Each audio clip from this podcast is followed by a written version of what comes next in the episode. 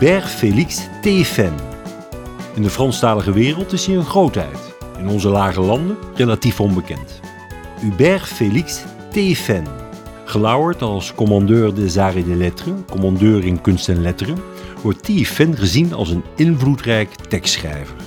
In 2012 won hij de Franse variant van de Grammy Awards, La Victoire de la Musique, als beste mannelijke artiest. Een bekroning voor zijn album Supplément de Mensonge, met daarop onder andere de volgende chansons. La Ruelle des Morts, het steekje van de doden. Et l'on allait cueillir les murs en bas, dans la ruelle des morts. En Les Filles du Sud, de meisjes van het zuiden. Sont celles qui fait leur dos, du regard noir des.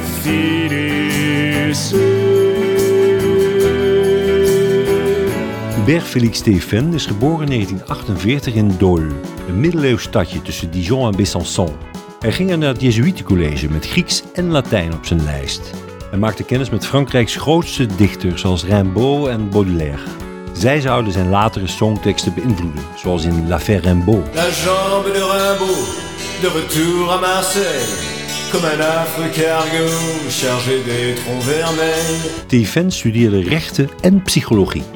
Op ironische wijze zou hij later zijn eigen psyche vergelijken met die van een aap in de chanson Psychanalyse du singe, psychoanalyse van de aap. Je ne chante pas pour passer le temps et pour me rendre intéressant.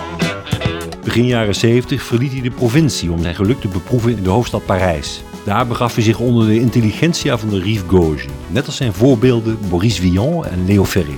Geëngageerde artiesten die zaken aan de kaak stellen en graag spelen met de Franse taal. Een voorbeeld daarvan is Léo Ferré's chanson La Mémoire et la Mer, het geheugen en de zee. les coquillages figurants sous les sunlight cassés liquides jour de la castagnette tant qu'on dirait l'Espagne livide, dieu des granites. De meester Léo Ferré, nu gevolgd door zijn leerling Hubert Félix Stéphane. La Mémoire et la Mer. Rappelle-toi ce chien de mer que nous libérions sur parole et qui gueule dans le désert des goémons de nécropole. Je suis sûr que la vie est là. Alle albums van TFN zijn met goud bestempeld en het trekt vol zalen, zoals hier tijdens een concert in Paris-Bercy met het chanson Je t'en remets au vent. Ik laat het aan de wind over. Va droit sur ton nouveau chemin. Je n'ai jamais aimé que moi et je reste sans lendemain. Mon pauvre amour, sois plus heureuse maintenant, mon pauvre amour.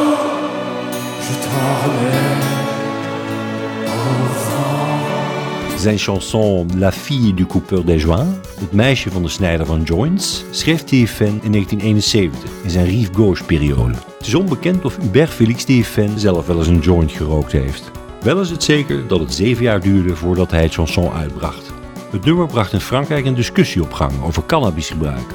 Dit is Hubert Félix TFN met La fille du coupeur des joints.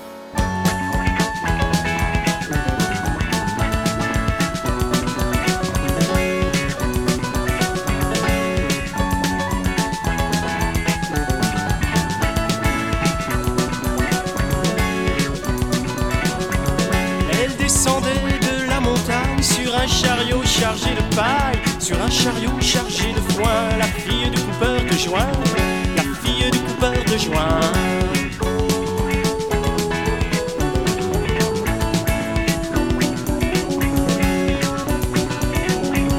Elle descendait de la montagne en chantant une chanson paillarde, une chanson de collégien. La fille du coupeur de joint,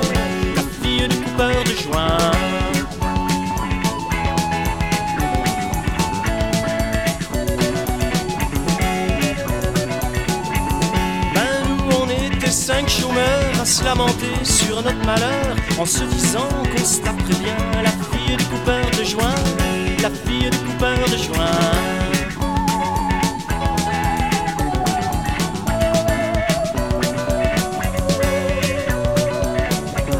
Elle descendait de la montagne, qu'elle nous voit vers les murailles Et qu'elle nous fait coucou les gens La fille du coupeur de joint La fille du coupeur de joint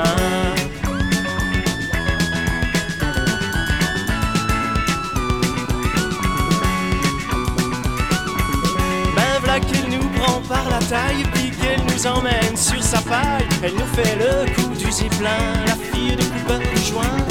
La fille de coupeur de joint.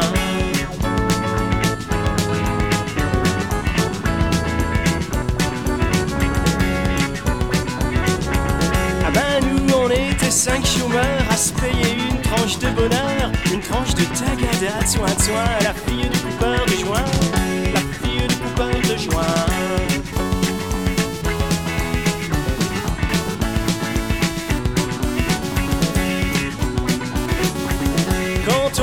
passé la ferraille, elle nous fit fumer de sa paille. Sacré bon Dieu que c'était bien, la fille du coupeur de joint, la fille du coupeur de joint.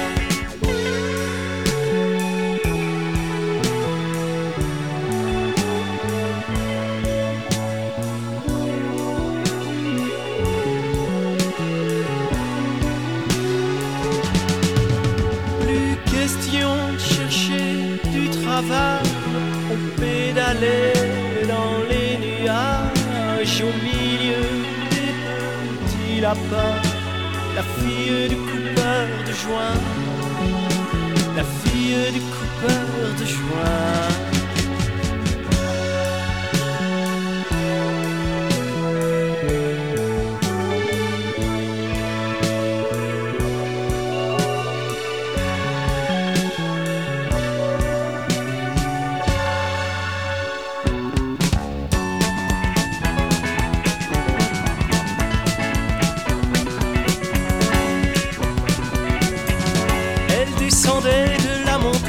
En chantant une chanson paillarde, une chanson de collégien. La fille du coupeur de joint, la fille du coupeur de joint, la fille du coupeur de joint.